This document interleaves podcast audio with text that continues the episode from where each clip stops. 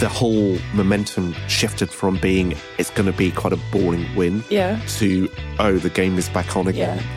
And that 90 seconds is the latency that the internet can deliver because it's sending information from one place to another place to another place. And the accumulation of that delay um, can be very significant versus uh, live broadcast, which will be two seconds for terrestrial and about seven seconds for satellite.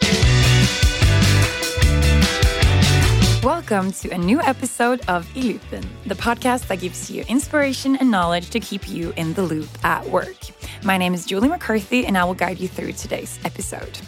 And right now, you're listening to this episode from an electrical device, most likely your smartphone. You have internet connection of somehow, maybe you have downloaded it or you're listening to it directly from your phone. And there's also a streaming platform where maybe you have a subscription that allows you to not listen to the advertisements. And all these elements that make up the ability you have to listen to this episodes goes under the category TMT. Technology, media, and telecom. And the trends within TMT change rapidly, and they're hard to predict. But here in Deloitte, we like a challenge. So each year we try to predict the trends within TMT. And um, today's episode, we're going to discuss some of the most interesting topics from the report that's been released this year. Um, this includes the rising concern of collision of satellites in space, the huge growth of streaming live sports, and how generative AI, such as ChatGPT, is exploding and it's on everyone's lips. It's a very exciting subject, and I'm very excited and fortunate to have with me two experts on the matter here today. We have Paul Lee, Global Leader for Tech, Media, and Telecom in Deloitte. Welcome, Paul. Thank you for having me. And we also have Joachim Gullaksen, who is leading our technology, media, and telecom industry here in Deloitte Consulting. Welcome, Joachim. Thank you so much. Or should I say welcome back? Because both of you were here in 2020 uh, in an episode we had regarding the TMT predictions back then. And you, Paul, has actually been here in 2018 in an episode as well for the same predictions. Uh, so we might have some faithful listeners out here who feel like they already know you guys. Um, but well, I'll take my chances and ask the question I always ask my guests here to get to know them on a more of a personal matter. So I'll start with you, Paul. What is it about tech, media, and telecom that drives you? I've always been curious about um, how things work and why they work. And it's both at a technology level and also at a behavioral level. And that's what TMT does is it combines the two. So technology is the enabler and behavior is the constraint and also um, an enabler too. So the combination is basically TMT. How about you, Joachim? From the Norwegian side and the Nordic side, we we um, we cover trends uh, through uh, questionnaires. So we do an annual survey of uh, consumer trends within technology, media, and telecom. And uh, why TMT is so exciting is that uh, both technical advances happen rapidly, but also consumer preferences change quite rapidly. And what's particularly interesting with TMT, I think, is we always pay specific attention to the younger generations because they are leading the change. And so if you look at um, uh, subscription video on demand, podcasts, uh, social media, any, any kind of new technology that's available to the consumers, uh, look to the younger generations. And then you will see it sort of, uh, you know, become the mainstream. So exciting um, because um, it changes fast and because consumers sort of dictate the way. Last time you were here, there's a lot of um, talk about 5G, and we can discuss it a little bit today also. But I also want to discuss its kind of a competitor or like satellite broadband, um, and uh, it's it's the like there's. Um, LEO satellite stands for low Earth orbit satellites that are being launched um, on a regular basis. I would I would say how many like how many uh, of these satellites are out there now? So we're expecting um, about 5,000 to have been launched by the end of the year, and it may be slightly higher than that, um, depending on how well the launches go and how many uh, satellites they can put into um, each rocket. Right. Um, so it's it's a big number. Big number, and with good reason, they can uh, broadcast high speed internet directly from space. What what are the possibilities in, in this? Yeah. So with um, the rollout of networks, um, so for example, if you live in a city and you're a broadband provider, it's relatively easy. So you might dig up the road or you might put cables onto a pole, mm. and then you can very easily provide the connection um, into the home or the block of flats. So that's one thing. And then if you live in a semi-rural area, it's harder. The connections are slightly longer. Yep. Um, and if you live in a very rural area, um, or you live in an area which has um, a very low uh, population density, then the benefit to the telecoms provider of taking connectivity to that place um, is a lot lower. Mm. So the cost of providing the connection is going to be a lot higher because often what you're doing is digging a hole in the ground. Yeah. And if um, between houses, the gap is only a few meters, then the cost to pass each house is quite low. Um, if you've got five kilometers to get from house to house, then obviously at that point you go, why do I bother unless you get a subsidy? Which is often what happens in lots of countries. But if you can't get that, then that's where um, uh, that's when satellite broadband comes in. So it reaches the parts of a territory where it's economically inviable to reach via regular networks. One thing is in the home and in the business, uh, but another thing is there, there's a lot of uh, areas where you would need high speed connection to do other things, recreational things, but also business activity. And, and I'm wondering, Paul, where do you see the sort of business applications? Um, and, and, do we see any big movements around typical businesses using uh, this technology rather than existing 5G, 4G? Um, I don't think we have clear trends yet because these services are still um, quite nascent and the costs are still quite high, particularly um, of the equipment. But certainly, um, say for the tourism industry um, or for the forestry uh, mm. commissions, then being able to collect data on um, temperatures and on you know just, just levels of uh, snow or the lack of snow or the lack of uh, water. So you can have um, data being gathered um, via um, an array of sensors, and that data can be sent over one of these um, connections. Mm. So there will be lots of um, applications which become enabled because of the availability of this uh, technology. And I think quite often you're moving from no connectivity to having connectivity. Um, so there will be lots of applications which become evident as a result of having it. So the service is expensive mm. at the consumer level compared to regular broadband. Mm. But if it just means that you can do something that you couldn't do beforehand, then it's justifiable. So as of now, right now, maybe not affordable on the. Um, for regular consumers, yeah. um, you're not going to be generally using um, satellite for broadband because there are loads of alternatives, particularly in a place like Norway. Um, but if you um, uh, live or work in a very rural area, then this is something that you'll want. If you live on um, or work in a uh, non-terrestrial area, so um, sort of like in lakes or the seas, then definitely to, um, this is a service which is going to be uh, viable. Hmm. And then, interestingly, of course, uh, for countries that have not, uh, that don't have all the sunk costs that uh, developed countries have in networks, this becomes a whole other alternative to developing, you know, masts, infrastructure, cabling. Yeah. Uh, you could skip that and go straight to the solution. And importantly, I think with the war in the Ukraine, you see when um, you have massive disruption like this, um, that could knock out existing infrastructure or have it be controlled by another country, uh, suddenly uh, you have an alternative. So I think uh, you know Starlink has been providing uh, coverage, uh, network coverage to the Ukraine forces, uh, which, mm. of course, in, in a war in 2023 is essential. Mm-hmm.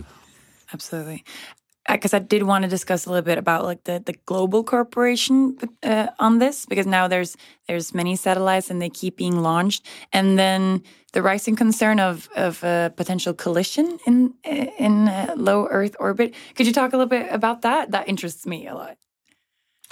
So the reason why it matters is twofold. Is basically if there's a collision, then all the fragments from the collision can then affect other satellites and take them out. Right. So that's one um, negative outcome from a collision. And um, the other is that um, if you've got a very crowded um, space, then there's propellant on the satellites, which helps them change direction, but it's finite and you can't refuel a satellite. So what that means is when you run out of propellant, then it may fall out of orbit. So it doesn't work in the, in the right way. It's in the wrong place, or it may fall back down to Earth. And then you have to launch another one to replace it, and that's very expensive Yeah. to do. It's not like doing a um, e-commerce delivery and just going, okay, we'll get get you in the next round. Um, it's launching another satellite, and the launch costs are going down, but they are very significant. How, how big? Just uh, how big are these satellites, and why can't they be solar powered? Pa- power. because um, the solar panels that you need. So with the satellites, which are even higher up, so the geos, um, which are used for, for say things like um, GPS, um, they're really um, big, so the size of a room, and they'll have um, solar panels that can keep them up there kind of indefinitely. But when they are relatively small, then uh, attaching a solar panel to them.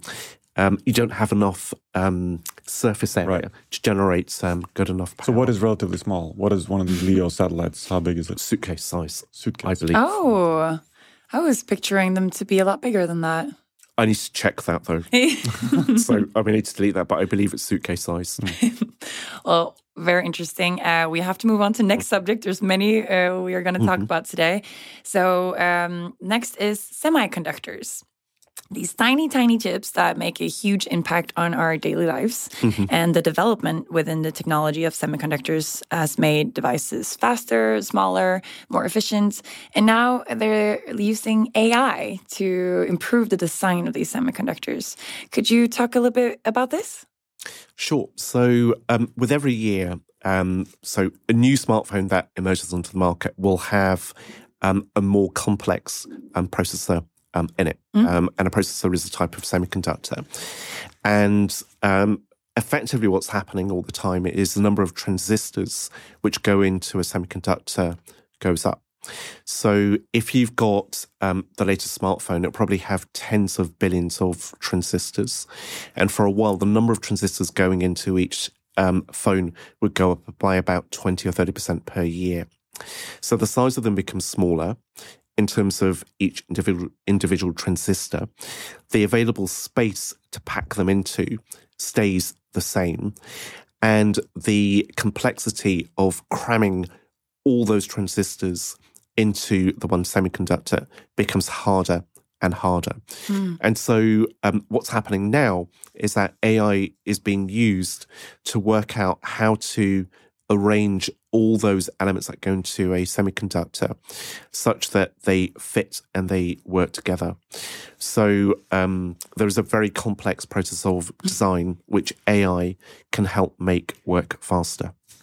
So reducing the time required to work out the design of a semiconductor to uh, a very short amount of time. It's difficult to kind of picture because it's so small that it's almost uh, Yeah, you can't see it with a with a naked eye. yeah. Um, but in terms of um, the benefits that you get from it, it's things like you know people take lots of photographs with their phones, and the error correction, um, which you may not have known happens with a phone. Um, so in terms of making sure that the light is balanced, uh, to make sure sometimes, you know, if you take a phone which has got three lenses, it may take three separate photographs and then three or four versions of each and then stitch them all together. And it does that without you even noticing. So quite old phones are like um, ones from about seven or eight years ago. There was a gap um, of, say, about a second or half a second whilst the photo was adjusting.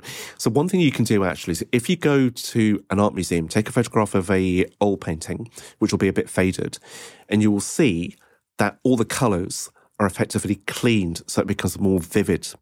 And that's the error correction going in there. So Cleaned. yeah, so try that out. So it, it's restored to how they were originally. So generally, paintings have faded due to the process of being exposed to the air. Yeah. And uh, the colours become a bit more uh, dull as a result of it. But if you take a photograph with your phone, it will restore those um, colours to what it thinks they ought to be. Interesting. So you go to a museum and you watch something with your naked eye, but maybe you should watch it through your lens. Um, you compare it to, so you look at the picture on your phone and the picture that you've got in front of you, and the one on your phone will generally be different to the one that's in front of you because it's um, error corrected. Or even if you take a photograph at night, um, then the phones now can work out what the image should be and um, take a, a, a, a, a photo at night. So it will look as if it's daylight. Yeah. Um, and there's a lot of processing going on to make the photograph look as if um, it's um, as if it were daylight or if it were better light. So that's what your processor is is enabling. Is enabling you to take more photographs that you can share on social media to become more popular. So it's all good. I understand the processes behind them are very complex. Uh, I am appreciative of them, so we'll be able to take pictures at night as well. I think we'll have to get into our next uh, subject, and now we'll go into more of the the media media trends. And I'll start with AVOD. Um, so, AVOD stands for ad supported video on demand. And now that there's a rise in content prices and other uh, more expensiveness in, the, in the, your daily lives, um, people are now willing to watch ads. We asked um, in our digital consumer survey for the Nordics, uh, mm-hmm. what's your preferred um, model, basically, and um, um the single preferred model is still SVOD. But if you uh, so SVOD is subscription video on demand, where mm-hmm. you pay for yep. like typical Netflix uh, setup. Um, but if you add the two other um, alternatives we added, which was, are you willing to see some ads to have a discounted price, and are you willing to uh, pay nothing and, and, just watch more ads to have it as a free so uh, AVOD, um, uh, then those two categories in Norway come close to the SVOD. So we see a shift in um, people's uh, propensity uh, to to uh, towards uh, a more ad supported model.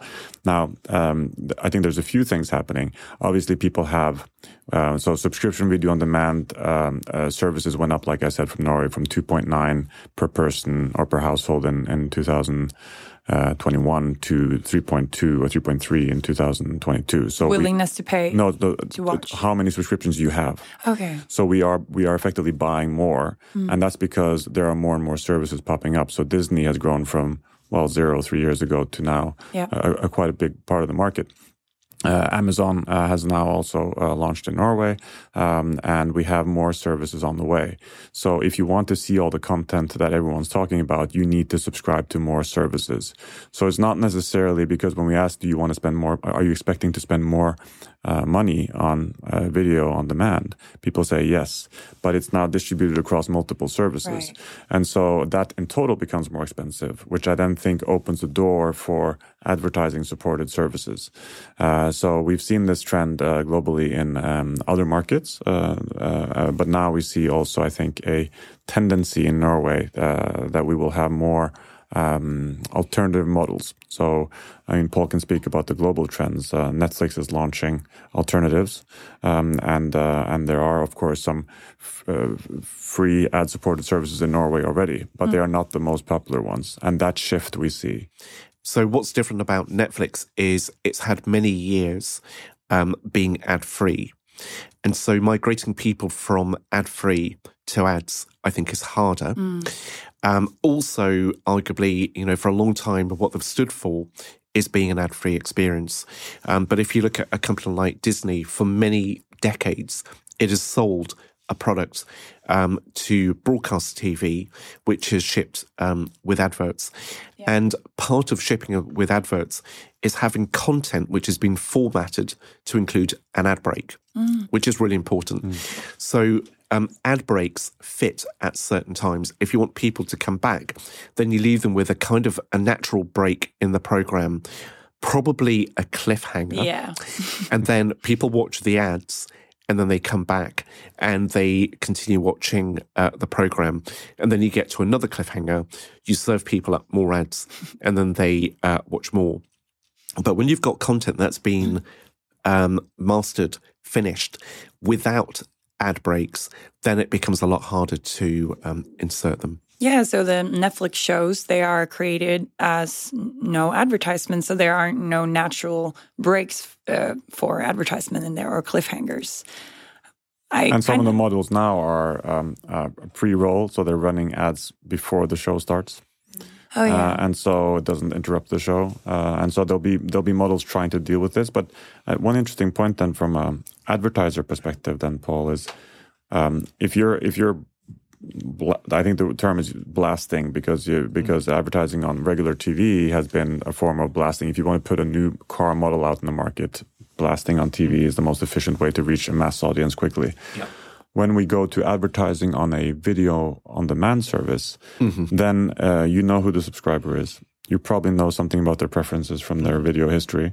You might connect that data if you're Amazon or um, uh, you know another tech mm-hmm. company to other preferences. Mm. So you should be able to serve much more relevant advertising content because it's served individually and yeah. not at a live stream. And so that changes the dynamics of advertising for video uh, on demand. I yeah, I think it can do. So you've got the potential to link to uh, more personal data. But one of the things about TV advertising in terms of a strength is it makes people aware of a product that they didn't know existed beforehand. And um, advertising, a, a lot of its function is about doing that. And another part of advertising is to make people aware of um, brands um, including existing customers, and to make them feel happy mm. about being the owners of that brand. So car manufacturers are both going, you should buy this car, perhaps in 10 years' time when you can afford it. But also, what it's saying to existing owners is, you've made the right choice you're a special person. You are that person going on that drive um, oh. on that uh, mountainous roadway, which you never go on. You're always doing the weekly shop, and that's the end of it, or the school run. But hey, you know, let's dream for a bit. And that's the, the big function of um, TV ads. You're actually at IKEA with three kids in a station wagon. but you dream of the. Uh... But, but you dream of uh, that drive, which you may do once and actually go, it became repetitive after about a minute. But, you know, that that's what um, say a lot of uh, video is out there is um, fomenting that fantasy, and uh, humans respond to it. But maybe that's a development in that personalized context. So when they mm-hmm. realize that okay, you bought this car, so they're not showing you the adverts for that car anymore. But maybe you want to see that because then you're reminded that I made the right choice for yeah, the car. It's it's reinforcement. Yeah. Um, and it's it's been happening for for, for decades. Um, and basically, you want to tell people that you made the right choice. And so, when it comes to replacing whatever item it is, which may be a smartphone or it may be a car, or it may be a choice of holiday, then you go, oh, okay, I need to go um, back there. so so that's that that's the reason for having those ads. Well, uh, very interesting. We'll um, move uh, to the next topic uh, live sports. I love watching sports, um, and I know that's uh, it's a high demand in a lot of countries. And here in Norway, um, big on winter sports, also soccer, um, and companies are now paying really large amounts to be able to stream these live sports. Why are they willing to do this?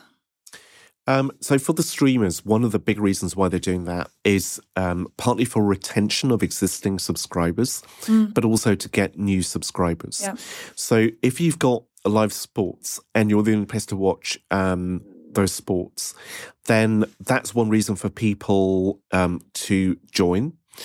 And it could also be a reason for people not to leave. And the not to leave is very, very important mm. because we've reached saturation in quite a few markets in terms of the number of people who are likely to use um, the more popular VOD services. So the main focus is on retention. Mm. And so if you do, you know, for example, like a 10 year deal on offering American football, and you've got um, let's say one game per week, but it's a big game per week, then that's one reason for remaining with that service. So that's a big reason um, for doing that. You can also sell advertising as well. And um, sports advertising or advertising against big sports is lucrative or can yes. be lucrative. And, and a related topic we touched on, um, you know, for uh, uh, for a lot of sports, you know, having a three or four second delay is not a big deal. Uh, but for uh, national popular sports that are really important, uh, it could be. I, I, noticed during the World Cup, um, you know, I had to put my phone away because yeah. the results were coming in before you saw them live, and uh, because there is a delay when you start when you go from a, a broadcaster like um, a proper TV broadcaster coming through traditional uh, networks, um, it's it's fairly in sync with reality and live. Uh, yeah. But when it's over a streaming platform, it could be a two, three, four, or five second delay. Or it could be over a minute. It could be over a Yeah. minute, Really? uh, depending on the technology. And so Yeah. that when you're watching something as a community live together, uh, that that could be a challenge.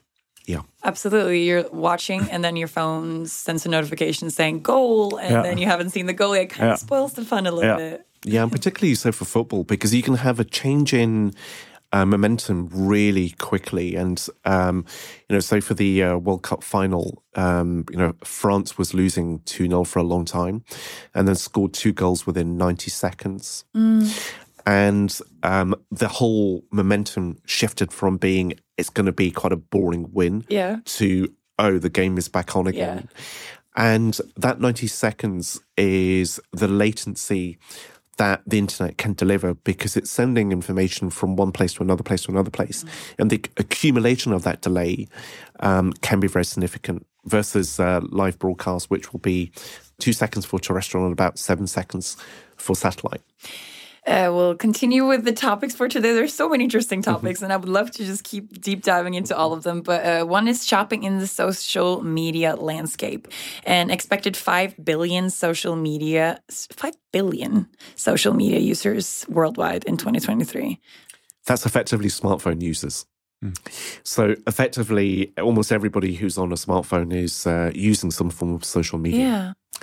So that's the uh, that's how you get to that number. Right. And then now, so now the trend of of shopping through this landscape of social media. I mean, I've I, I'm a customer there as well. Like I I, I tend to do this. And uh, what is it that what is it behind all this growth? Is it that more everyone has a smartphone now and it's just so available? And is it the content that's personalized? What is it?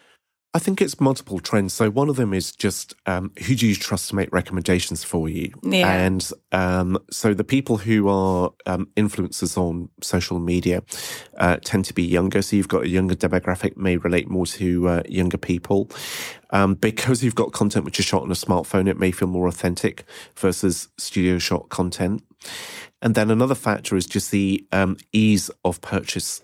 So going from discovering something um, to uh, buying it can be done within a few clicks. Mm, yeah. And uh, so, whenever you remove friction from any tr- um, process, um, then you can uh, augment volume.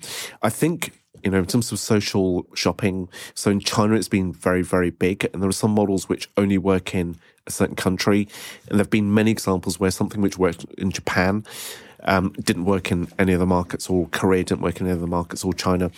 But in terms of social shopping, then um, you know there are always going to be uh, lots of influences in every market, and the turnover will be high. Yeah. But you always get new people coming in, and some of them are, are are very good, and effectively they become de facto, I would say, TV stars. But most of what they're recommending is via what feels like social media, but it's very, very slick. So eventually they all end up with um, TV crews, nice microphones like the ones we're using now, um, good lighting and scripts. Yeah. And I just the the sheer amount of time uh, back to uh, you know the younger generations, the sheer amount of time spent on social media by especially before we were also tracking 14 to 18 year olds, and you had a segment of you know eight hour plus on a social media platform, which is like well that's half of your waking time. It's it's pretty incredible. Now a lot of that is done simultaneous with uh, interaction and other activities, but if, if you're spending eight time on any kind of media platform, uh, you you will be exposed to a lot of advertisement Yeah. during the day, and so and so so the exposure has gone up, um, but also uh, t- to your point, Paul.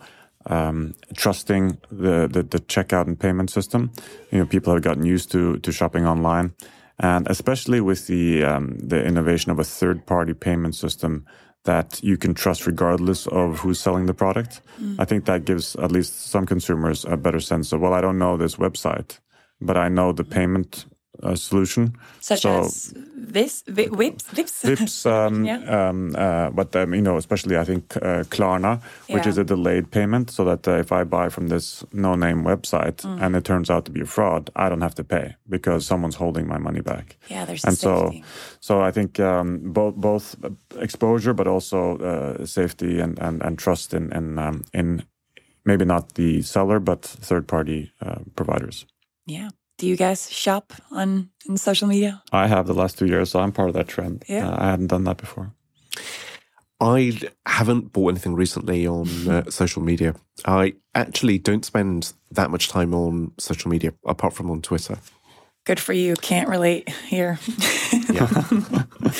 um, okay, so we'll go into today's last topic generative AI. And especially then, uh, well, I want to talk about Chat GPT because it's on, like, everyone is talking about it. And I tried using it for the first time yesterday, preparing for this episode. And it is scary how how good it works. Um, and I'm trying to be critical. Uh, I have a critical mind uh, by using it, but I was typing in create uh, podcast questions for Deloitte's TMT predictions 2023. And there was just so many questions popping up that I I can use in this episode, and it makes will make life easier. Um, but uh, like, what is it? Is there any? Is there any downfalls, or is there anything we have to uh, look after, like risks within within using this um, this technology? Well, we have a risk advisory team, so of course there was going to be um, risks, and Yeah. um, you know, so I think the uh, technology is very impressive. Yeah, I think part of the impression is that first glance. So when you look at Mm. things twice, um, or you go back to them, you can see flaws in them. But that's the thing about ChatGPT's outputs and other services which are out there, is that at first impression, they um, look really good and they're, they're they're stunning. But I always recommend taking a second look um, at, at most things because it gives you um, a more balanced view. So, in terms of risks um, which are out there, so um, you know, one of the things which I did as preparation for the webinar we did earlier was um, just to um, create images of uh, Oslo and in a photographic style. And so that can be done in in seconds. Yeah. Now, I don't know what went into creating that image. So probably that exact image didn't exist beforehand. But I don't know if it is um, the average of 20 photographs or if it is one photograph which has been modified a little bit with the color just being changed. And I don't really have tools which can allow me to check that um, readily. So I don't know to what extent I'm infringing on copyright. And as of you know, today, there are already lawsuits which are going in from um, image library owners saying that you've used our libraries without permission, without payment to generate these images. yeah, So it's not a well, in some regards, it's the computer which is generating those images. So that's technically c- correct. But the way in which it's created may not be original according to current copyright law. yeah. Okay. So when a person creates an image, so you can be inspired by what you've seen and paint something or take a photograph of something um, inspired by what you've seen or even try and replicate it. But that's your photograph. But if what you're using is elect- intellectual property of other individuals and you're just averaging it, then that's where it's more ambiguous. And there's no like for ChatGPT, there's no reference that comes up. So the There's no explanation as to, you know, we used this image, this image, Right. this image, and this image, Yeah. and you better check with that person. Um, so there's nothing, uh, there's nothing like that. It, it's a black box Mm-hmm. um, right now. But I, th- I think what, what you said, it, it was very helpful. Um, but I'm sure you didn't say, I'm going to just take uh, the output and that's my guide for the interview. Right. You, you, you used it, you adjusted it, you talked to other people, you used other sources. I think if you use AI as a tool, uh, as an addition, uh, then it's very helpful. Mm-hmm. But it cannot replace uh, everything No. yet. But it can make it more efficient. So, like you, Mm. as a as an initial research, instead of uh, reading through articles and articles, it can it can help you define what you're actually looking for. Yeah. Which is um, very Which is, in a sense, like I said, it's a type of search, yeah um, but with a more refined output. But search is based on AI. And um, th- this is an evolution of search in, in some regards. yeah. And you had that quote from Nick Cave up on uh, during the seminar where he talks about you know because technology doesn't have is not the human experience and is not creative uh, in terms of not just copying existing thought but coming up with individual own original thought. You know there is something about the human that is different than technology, which uh, hopefully will stay the same. You said uh, when you were here in 2018, you got the question, what technology to look out for in 2018? And you answered a book. Um, and I appreciated that a lot because I feel connected a lot all the time. And sometimes it's nice to feel a little bit disconnected or more, mm -hmm. yeah. Um, do you have any uh, technologies for 2023 to look out for? The one technology I would love to see is um, the growth of smartphone based um, identity. And that's whereby the smartphone replaces physical identity. So it mm. could be the lanyard, it could be the passport, it could be the driving license.